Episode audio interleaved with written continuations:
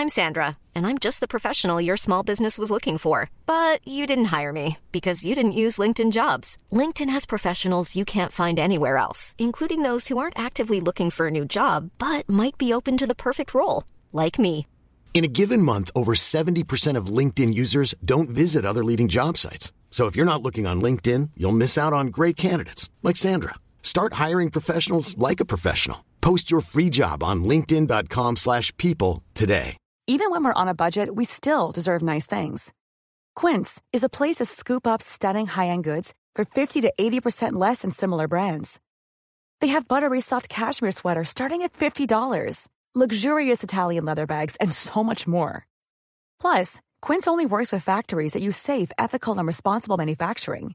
Get the high-end goods you'll love without the high price tag with Quince. Go to quince.com slash style for free shipping and 365-day returns. Burrow's furniture is built for the way you live.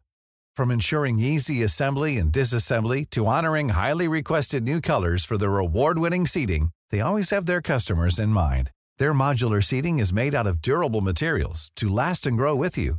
And with Burrow, you always get fast, free shipping. Get up to 60% off during Burrow's Memorial Day sale at burrow.com slash ACAST. That's burrow.com slash ACAST. burrow.com slash ACAST.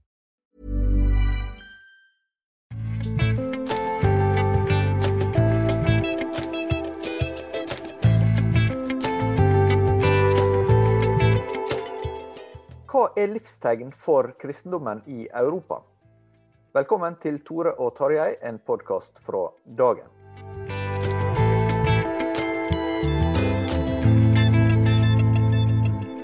Mitt navn er Tore Hjalmar Sævik, og i dag er ikke Tarjei Gilje med, men vi har fått med oss eh, to gjester som skal snakke om et eh, svært interessant tema, nemlig hvordan står det til med evangelikal kristendom i Europa. Og eh, De har spesielle forutsetninger for å snakke noe om det. Det er Lars Dale og Ole Magnus Olafsrud.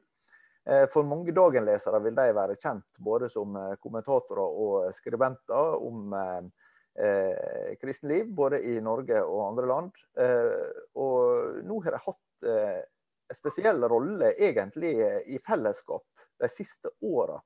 Og Ole Magnus Olafsrud, du kan kanskje fortell litt om hva er dere har hatt ansvar for?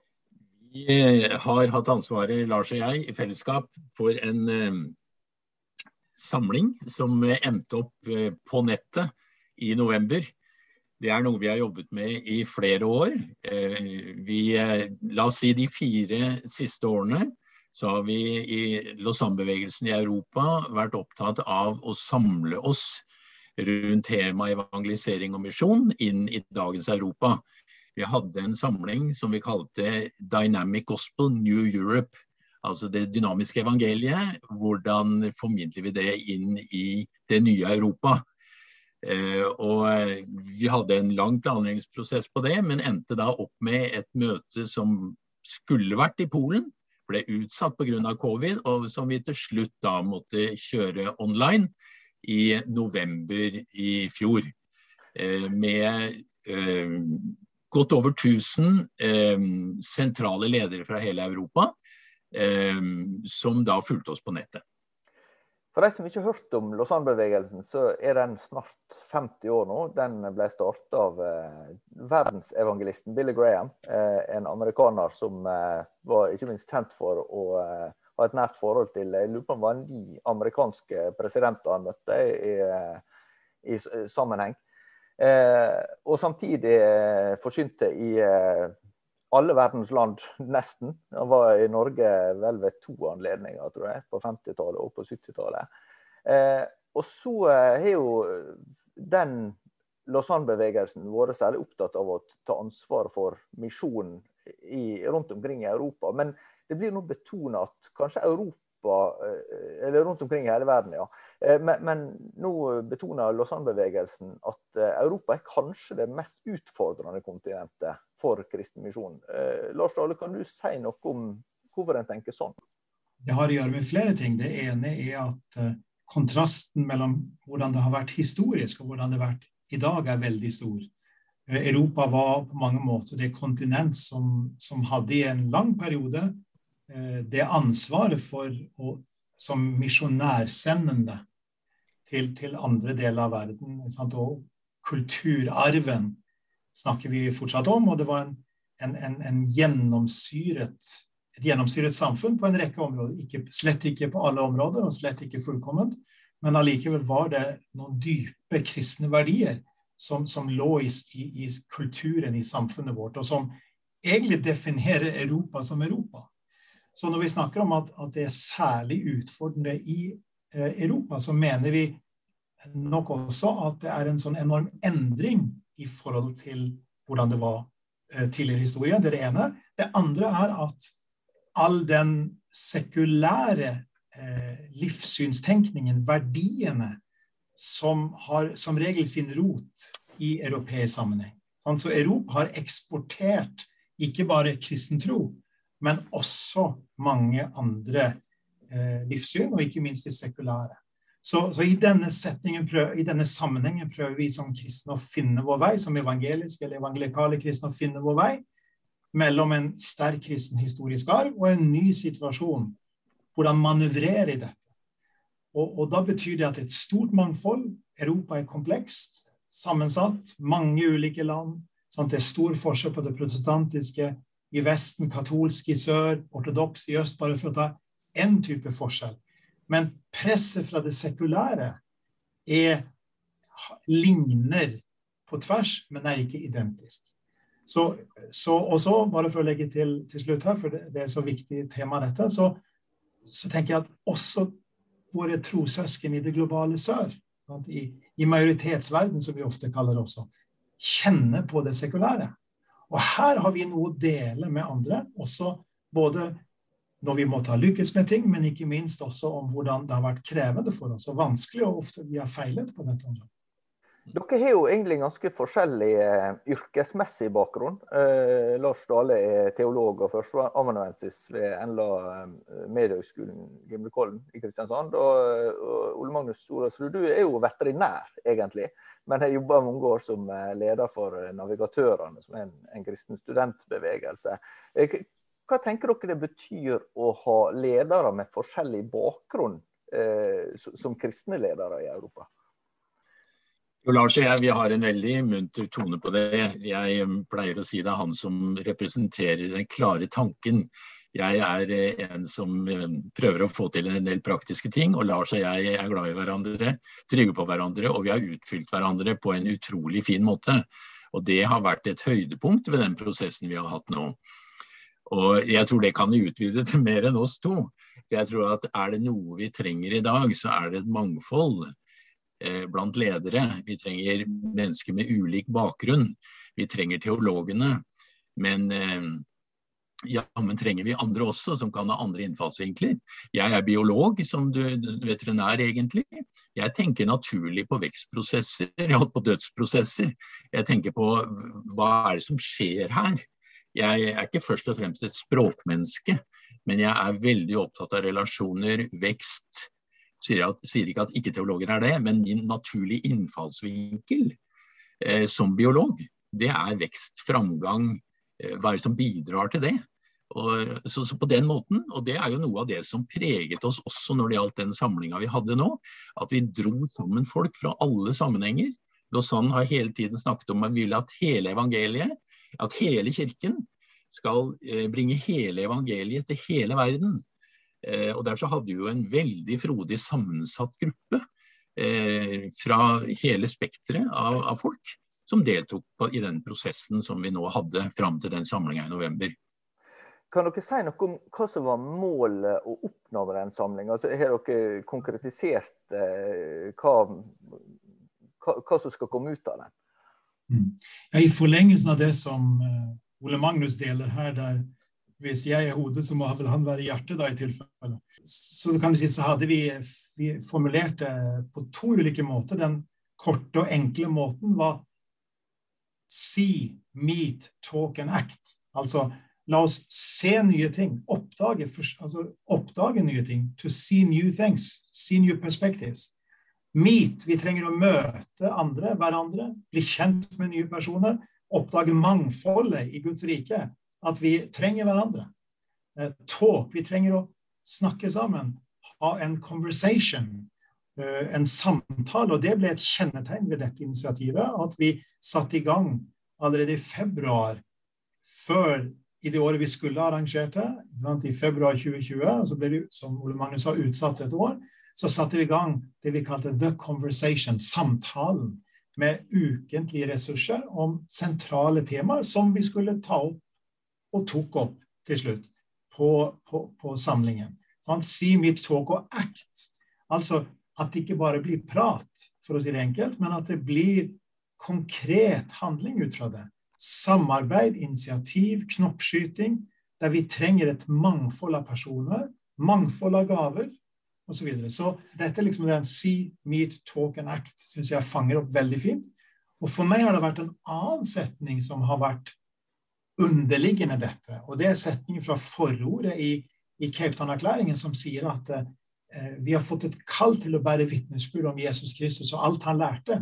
Og da da skjønner vi at bære vitnesbyrd er noe som, som, gjelder hele livet. Og alle kristne, og ikke bare en spesiell gruppe eller en spesiell yrkesgruppe. eller noe sånt, sånn at Det er alle, oss alle som kalles kristne og er kristne.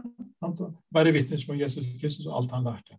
Og så fortsetter det å si eh, blant alle folk, eller i alle nasjoner, sant? blant alle kulturer. Det er et slags lengdeperspektiv i misjonen. Sant? Vi trenger å krysse grensene med evangeliet gå med evangeliet til de som ikke har hørt. Om det, om det er nært geografisk eller fjernt, så er det kryssing av grenser kulturelt. Og for det andre å bære vitnesbyrd om Jesus på alle samfunnets områder. Sant? Uansett yrke, uansett plassering, uansett bakgrunn. Og for det tredje på ideenes felt eller område. Det vil si, det er særlig det brenner, har brent og brenner i Europa. Fordi Europa er smeltedigelen for sekulære ideer. Og her er poenget at vi har prøvd å ta alt dette på alvor, og ikke la én av delene overstyre de andre, men la det være en balanse på det. Du nevnte Ole Magnus, da vi snakka litt før opptaket starta, at det, det, er særlig to behov som utpeker seg når dere snakker med, med kristne ledere. At det, det, er ja, som brenner. Eh, kan du si noe om det? Kunne jeg bare først få si en ting i forlengelsen av det Lars sa. for Vi har snakket nå om mangfold, og det var vi veldig opptatt av skulle bli konkret når det gjaldt deltakerne i denne samlinga. Og Derfor så eh, hadde vi i hvert av de alle europeiske landene, over 40 land, hadde vi en liten komité som skulle søke de beste delegatene til å være med på denne samlinga. Dette var ikke en åpen samling, fordi vi ville begrense det til å være 800 mennesker som kunne sitte rundt småbord. Nå fikk vi ikke til det fordi vi ikke kunne samles, men dette var ikke en åpen greie. Hvert land fikk en kvote. Og vi, jeg tror vi er litt stolte av at 50% av delegatene var under 45 år. Vi hadde en stor gruppe under 30 år, og det er, det er viktig. Vi hadde eh, over 30% kvinner, og i en del av landene er ikke det så lett å få til. Og så hadde vi i hvert fall 10 av delegatene var mennesker fra hva, hva vi kaller majority world. Altså eh, pastoren fra Nigeria som nå er, er, er eh, pastor i, i London f.eks. Så vi hadde 40 ulike etnisiteter representert i tillegg til de europeiske etnisitetene. Så det viser jo at det var en smeltedigel også. Vi hadde kirkeledere fra alle de ulike sammenhengene. Vi hadde folk fra kunst, media, akademia, politikk. Eh, Dag Inge Ulstein skulle vært der, men fikk det ikke til. Så vi hadde, hadde med Dagfinn Høybråten, som hadde et, et, veldig viktig bidrag rundt dette med, med det, det, store bildet. Hva er det som skjer? Hvilken rolle har Kirken i, i, den, i den globale nøden? Vi hadde med et regjeringsmedlem fra Romania, en flott kvinne, som, jobb, som, som sagt regjeringsmedlem sitt, jobber med, med vanskeligstilte barns situasjon i Romania. Vi hadde en næringslivsleder fra Bulgaria. Eh, fordi vi ønsket at folk fra næringslivet og arbeidslivet sånn sett også skulle være representert. Og på toppen av det så hadde vi observatører fra den katolske kirken og fra den ortodokse kirken. Fordi vi ønsker liksom å samle det hele. Eh, og Lausanne-bevegelsen er jo ikke minst opptatt av dette med, med, den, med de 99 prosentene av, av Kirken. Derfor hadde vi jo for to eller tre år siden nå en samling i Manila der 70% av delegatene var folk fra næringslivet, fra kunst, fra media, mens bare under 30% var sånne som var som meg, som driver i heltidskristent arbeid. Så, så skal, vi nå menneske, skal vi nå samfunnet, så må vi nå folk i alle samfunnslag. Og det var litt viktig. Det du egentlig spurte meg om, la meg komme tilbake til det. Vi driver også og forbereder en Lausanne-samling. Den fjerde store glo globale Lausanne-samlingen skal være i 2024. Og Der har vi hatt en global høringsrunde i alle de tolv regionene der Lausanne arbeider. Og det er jo hele verden, da. Og de to viktigste behovene som kom fram når vi ser globalt på det, det ene er vi trenger eh, disippelliv. Vi trenger dybde i disippellivene. Vi trenger sårbare, ydmyke, men allikevel robuste disipler. Som, som, kan stå i den stormen vi har nå. Eh, jeg tenker på, Skal vi ha et profetisk budskap inn i vår tid, så tror jeg Jeremia har noe å lære oss. Han hadde et par tøffe tak. Særlig kapittel 15 og 20 snakker han jo om hvor tøft å være han. Og i 15-16 sier han jeg fant dine ord og jeg åt dem, og dine ord var til fryd for meg og til glede for min sjel, for ditt navn er nevnt over meg, Herre, herskarenes Gud. Han sier, skal jeg, skal jeg stå, han sier også jeg prøvde å legge fra meg hele kallet, men det nytta ikke. Det ble som en brennende ild inn i mine bein. Jeg måtte få gjøre det, men derfor så åt jeg ordet og det ble til glede for min sjel. Det indre livet ble styrket. Og det andre var eh, Han sa for ditt navn er nevnt over meg. Det ga han en trygg identitet til å stå i den åndskampen som han sto i. Og Derfor så er det et fokus, og var et veldig sterkt fokus for oss i denne Lausanne-samlinga. Hvordan ser disippelliv ut i dag på arbeidsplassen eh, når du er leder? Og Det andre som kom tydelig fram, det var Ehm, at det, at det må satses på unge ledere. Vi har eh, en aldrende ledelse. Eh, og det avspeiler I Afrika er det helt grotesk. Et, et aldrende lederskap, reelt lederskap i politikk f.eks. Mens, mens alderen på befolkningen blir yngre og yngre. Og det avspeiler jo ikke realitetene. Så, så disse to tingene Eh, robust disippelliv i all sin ydmykhet og sårbarhet. Og det andre da dette med å satse på unge ledere. Jeg mener, Vi har jo en samtale gående i Norge nå som ikke minst eh, Thomas Rake har vært med å dra i gang rundt de valgene han har gjort. Jeg kjenner menigheten, jeg har vært der, jeg har hatt seminarer jeg beundra dette fellesskapet. Men han fant den, sti, den, rytmen ved å være kristen leder utrolig krevende. Så gjorde han et valg som jeg håper ikke alle gjør. Eh, men, men, det å liksom kunne, for å kunne lytte til Gud, for å kunne ha en puls som det gikk an å leve med, så måtte han ut av sin rolle som pastor. Og som sagt, jeg håper ikke alle gjør det.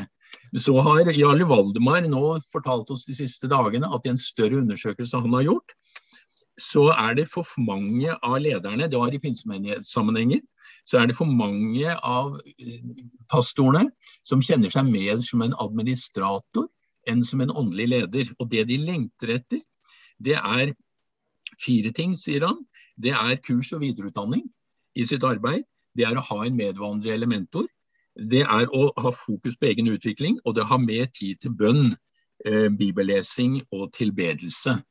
Så dybden i livene våre som ledere, som disipler, eh, å finne strukturer, måter å jobbe på eh, i vår tid, det er utrolig viktig.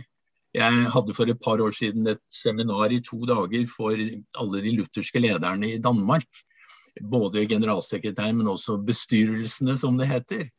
Eh, og da jeg hadde holdt på noen timer, så var det en av de sentrale lederne som reiste seg opp og sa han, du har rett, Ole Magnus. Han.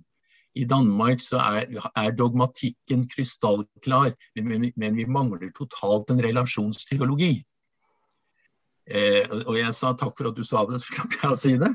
Men jeg mener, vi, vi, er, vi, er, gode på aktiviteter, arrangementer, opplegg. Men lever vi i nære, organiske relasjoner? Og jeg tror begge disse innspillene fra Thomas Rake og fra, fra Jarle Valdemar de siste dagene sier noe om dette. Mm. Ja, Thomas Rake har vært pastor i bedehuskirken på Bryne. altså Det som var ja, Sarons bedehuset på Bryne, da, for de som ikke har lest det. Men det kan de selvsagt logge seg inn på dagen og gjøre, om de ikke har gjort det allerede. Eh, du Lars eh, var, var, inne på, også i forkant, noen sånne eh, Her var, snakker vi nå om noen utfordringer eh, som, som eh, peker seg tydelig ut. Men, men du nevnte også noen tydelige håpstegn som du ser fra et, fra et lederperspektiv. Kan, kan, du gi oss et kjapt riss? Ja, jeg tenker Når vi ser Europa, så er det lett å bli motløs. ikke sant? Og, og, og liksom tenke oi, det er så sterke sekulære krefter, det er sterke ting ikke sant? Som, som ikke nødvendigvis synes vi går den riktige veien. Ofte er det lett å, å få, få inntrykk av for oss alle. Og da er det sånn at dette med særlig fire-fem ting eh, som, som, jeg gjennom denne prosessen har sett mye tydeligere og, og, har sett en kontur av. Det ene er eh, menighetsplanting. At det skjer på tvers av evangeliske sammenhenger i hele Europa. Der ikke minst norske ledere som Øyvind Augland og andre har vært veldig sentrale. Eh, og, og det er, en, det er et, eh, en, frimodighet og en, en, optimisme. Og en tør å begynne med et nybrottsarbeid. Ny, en, en, tør å bryte ny mark. Eh, og det sant, Unge familier flytter til nye steder for å starte kristne fellesskap, f.eks. Det, det er nydelig å lese om det. og det har skjedd i en rekke kristne sammenheng i Norge. Det er noe å fryde seg over. Og det skjer over hele Europa. Og, og nært knytta til det, men allikevel annerledes, er migrantmenighetene.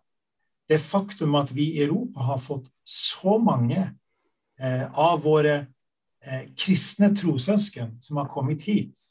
Ofte når vi fokuserer på, på innvandring, på flyktninger osv., og, og på asylsøkere, så har vi en tendens til å, å kanskje glemme hvor stor prosent av disse som faktisk har en kristen bakgrunn og hvor stor prosent av de som har en kristen bakgrunn, som har en klar kristen bekjennelse. Og at her har det altså vokst frem solide, sterke, vitale kristne fellesskap. Men akkurat som oss, så har de også sine utfordringer. Men vi kan lære av hverandre. Og jeg tror, som Ole Magnus sa, Vi hadde gleden av å ha ca. 10 kanskje deltakere fra, fra migrantmenighetene, migrantmenighetledere og nettverk blant migrantmenighet, eller majority world, som vi kaller det ofte. Eh, eh, så det er et annet håpstegn. Så har allerede, eh, allerede Ole Magnus nevnt, nevnt, dette med unge ledere.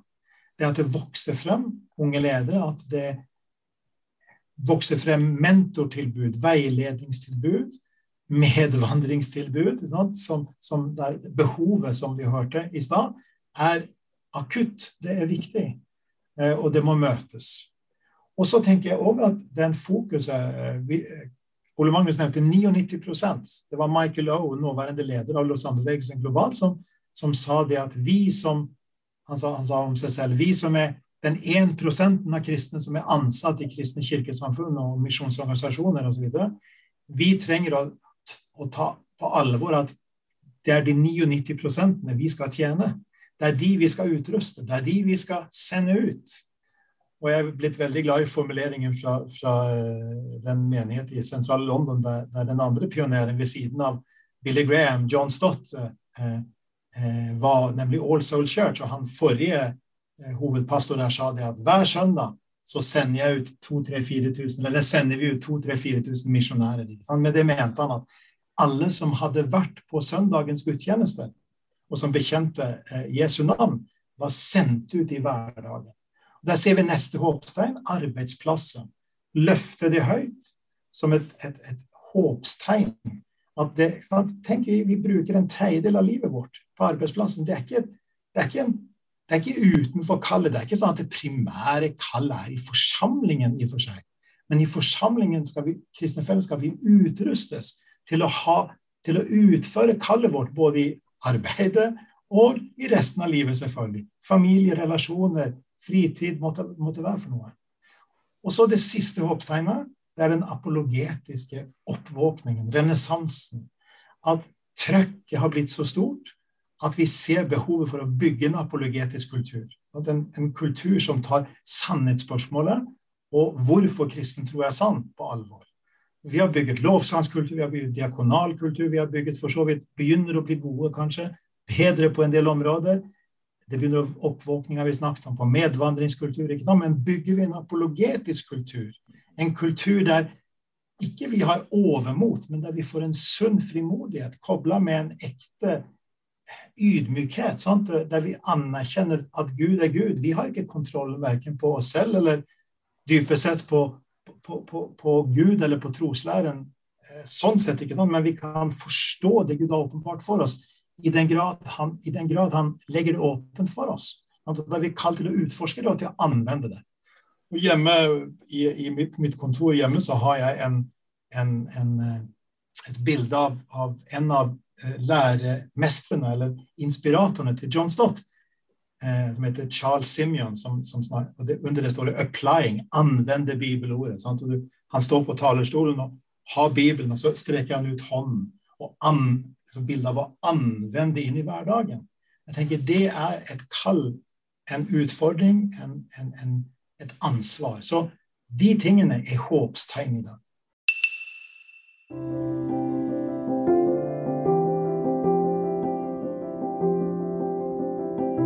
Knif Trygghet er Kristen-Norges eget forsikringsselskap. Hos oss går hele overskuddet tilbake til ideell virksomhet. Derfor har det stor betydning hvor du plasserer forsikringene dine.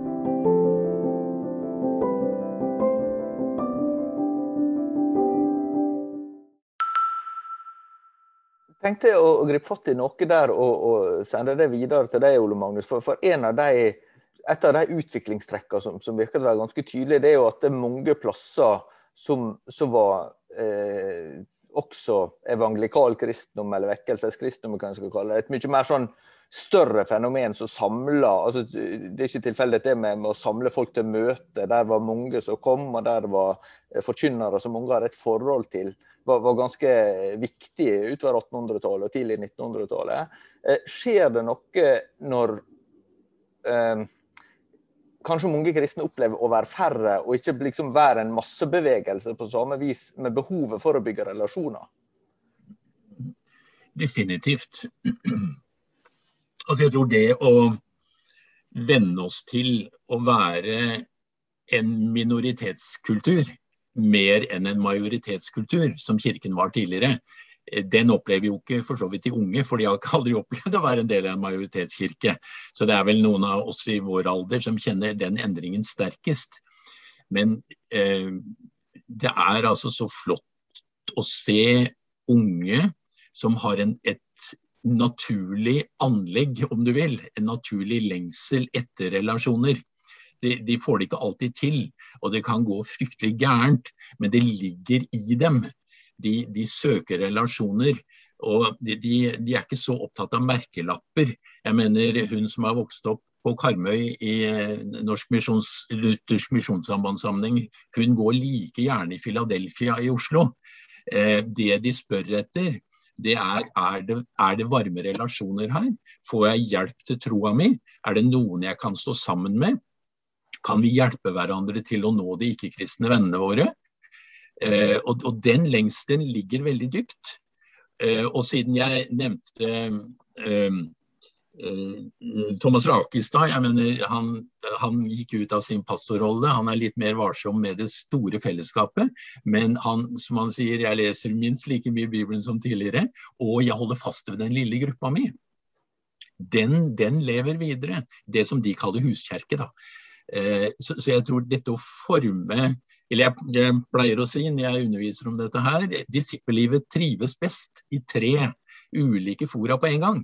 Vi trenger storfellesskapet med forkynnelse, og tilhørighet. Vi trenger den lille gruppa der vi er få nok til å bli samla, der vi kan dele tro og liv med hverandre. Men jammen trenger vi også én-til-én-relasjonene, medvandrerrelasjonene, der vi kan gå på dypet med hverandre. Bevar ditt hjerte fremfor alt du bevarer, for selve livet utgår fra det, sier Salomo i ordspråkene 423. Og vi trenger den type sårbare, åpne, trygge relasjoner på, på tvers av generasjoner for å kunne bevare disippellivet og styrke det. eh, både for å leve som disipler og å gjøre disipler, så trenger vi disse tre dimensjonene. Og det tror jeg nok at mange unge i dag rent intuitivt ser behovet for i større grad. Vi kommer fra en veldig forkynnende tradisjon eh, med, med, møter, eh, og det var bra. Men eh, vi vet jo at det er begrensa hvor mange mennesker i dag som oppsøker, de, de oppsøker fellesskapene hvis de ikke har en trygg bro av en kamerat eller en venninne som tar dem inn. Vi vet jo stadig vekk at 80% av de som kommer til tro, oppgir at det var å ha en, en kristen kamerat eller en god kristen venninne, var det som var det viktigste eh, for å være broen inn til tro og inn til levende kristne fellesskap. Og Jeg skrev en gang en bok som heter 'Der du er'. og Det er jo akkurat denne ideen om å utruste troens folk til å dele evangeliet, til å leve evangeliet i sine nære relasjoner. Det er det vi trenger.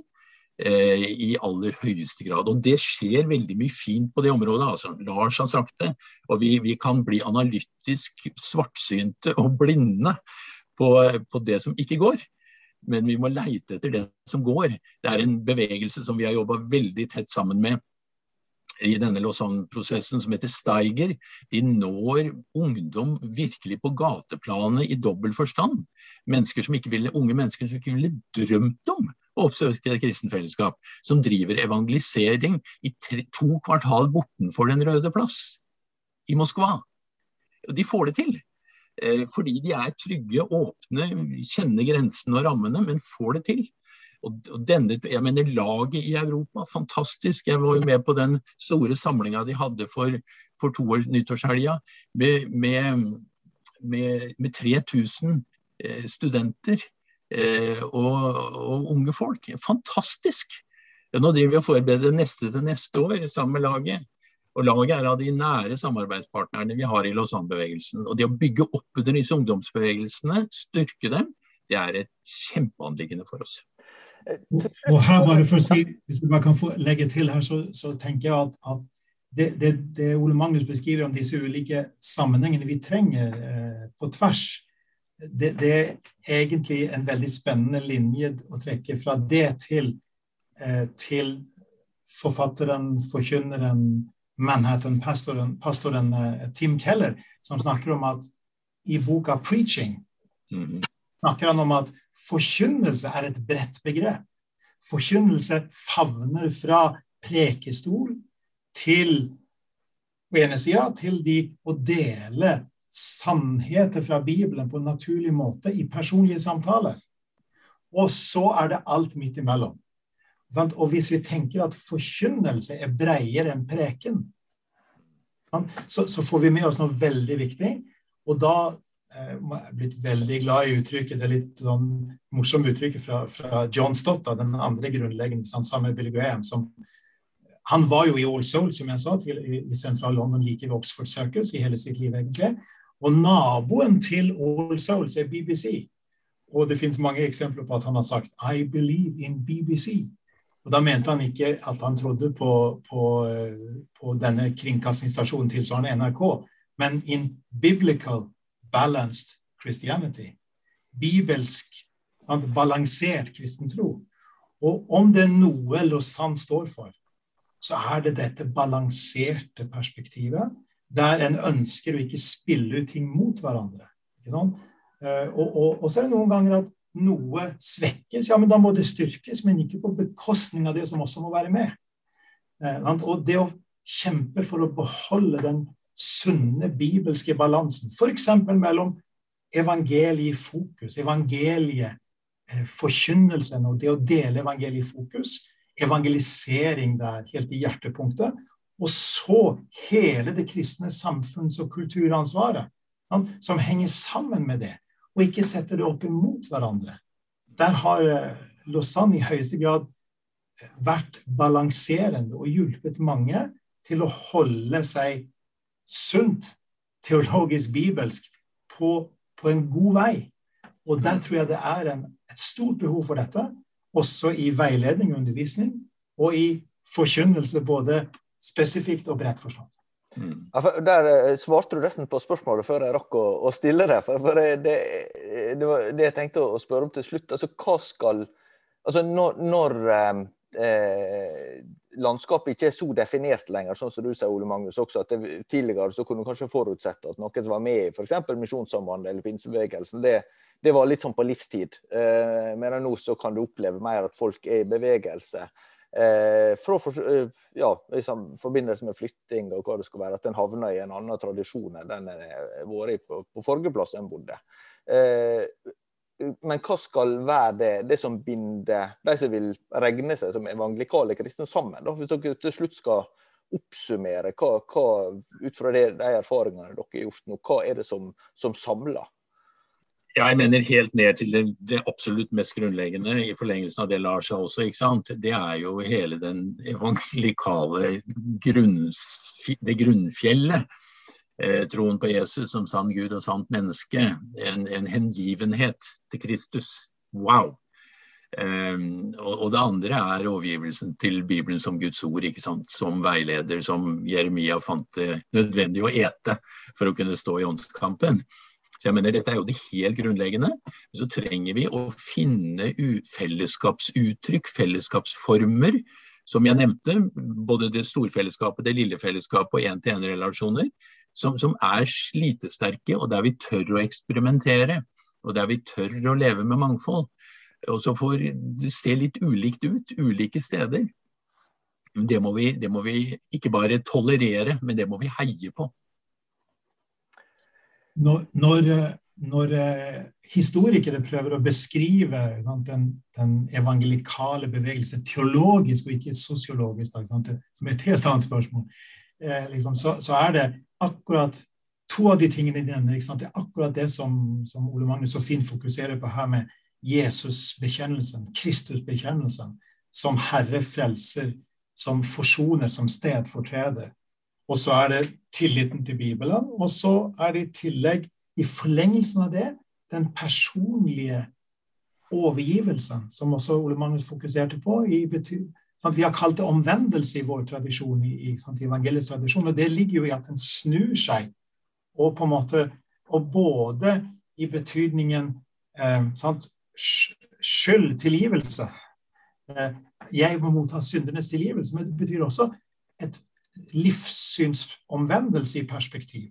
Og det er interessant å koble de tingene sammen. Og, og, og, se at i vår tid så trenger vi å se på omvendelse som tema, rett forstått, som noe viktig. Rett forstått, fordi det har både å gjøre med at vi trenger syndenes tilgivelse, hver dag nåden, og vi trenger å oppdage på ny hva Bibelen sier. Og så er det siste historiker peker på, er at det har å gjøre med at det er en sånn, sånn handlingsperspektiv.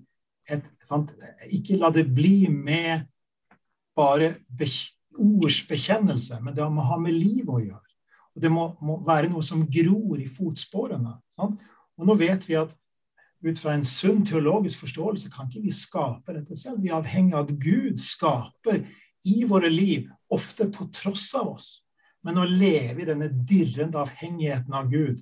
Og, og, hva kan skapes i og gjennom oss. Og, og, det vi har fått lov til å være med på i denne vandringen her sammen, Magnus og jeg også, å bli kjent med enkeltmennesker ikke sant? Som, som vi har så mye å lære av. Sant? For de lever slett ikke i privilegerte situasjoner ofte som vi gjør. De kan leve i svært krevende sammenhenger personlig. Og de kan ha en krevende livshistorie. Sant? Og de kan, kan komme også for de blir til velsignelse. Så det å lære av hverandre og andre, å være i en sånn, sånn grunnleggende lyttende holdning, det tror jeg er veldig viktig. Uten å gi glipp av det vi er overbevist om. Men tvert imot finne at ja, men her finner vi jo sammen. Så må vi være villige til å lytte. Hva er våre blindsoner? Hva er det vi ikke ser? F.eks. For i forhold til migrantmenighetene. Vi, vi, har en tendens til å ikke se verdien, hva de kan gi oss. Så tror jeg Selvfølgelig trenger de også å oppdage ting med hva vi kan gi. Som John Stott sa ofte veldig fint, at Lausanne er som et rundt bord der vi kommer sammen, og alle har noe både å motta og gi. Det, det syns jeg er et nydelig uttrykk for at Det gjelder selvfølgelig ikke Lausanne, men akkurat nå har fokuset vårt vært Lausanne her. Og, og, da er det en av grunnene til at det en simpelthen en, en, en stor velsignelse å få lov til å være en del av dette fellesskapet.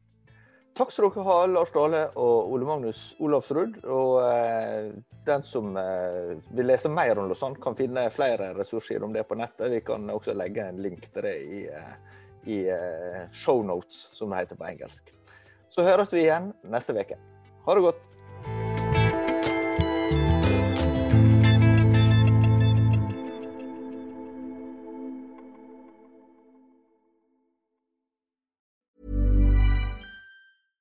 Flexibility is great. That's why there's yoga. Flexibility for your insurance coverage is great too. That's why there's United Healthcare Insurance Plans. Underwritten by Golden Rule Insurance Company, United Healthcare Insurance Plans offer flexible, budget friendly coverage for medical, vision, dental, and more. One of these plans may be right for you if you're, say, between jobs, coming off your parents' plan, turning a side hustle into a full hustle, or even missed open enrollment. Want more flexibility? Find out more about United Healthcare Insurance Plans at uh1.com. Hi, I'm Daniel, founder of Pretty Litter. Cats and cat owners deserve better than any old fashioned litter. That's why I teamed up with scientists and veterinarians to create Pretty Litter. Its innovative crystal formula has superior odor control and weighs up to 80% less than clay litter. Pretty Litter even monitors health by changing colors to help detect early signs of potential illness. It's the world's smartest kitty litter. Go to prettylitter.com and use code ACAST for 20% off your first order and a free cat toy. Terms and conditions apply. See site for details. Even when we're on a budget, we still deserve nice things. Quince is a place to scoop up stunning high-end goods for 50 to 80% less than similar brands. They have buttery soft cashmere sweaters starting at $50, luxurious Italian leather bags, and so much more. Plus, Quince only works with factories that use safe, ethical, and responsible manufacturing. Get the high-end goods you'll love without the high price tag with Quince. Go to quince.com slash style for free shipping and 365-day returns.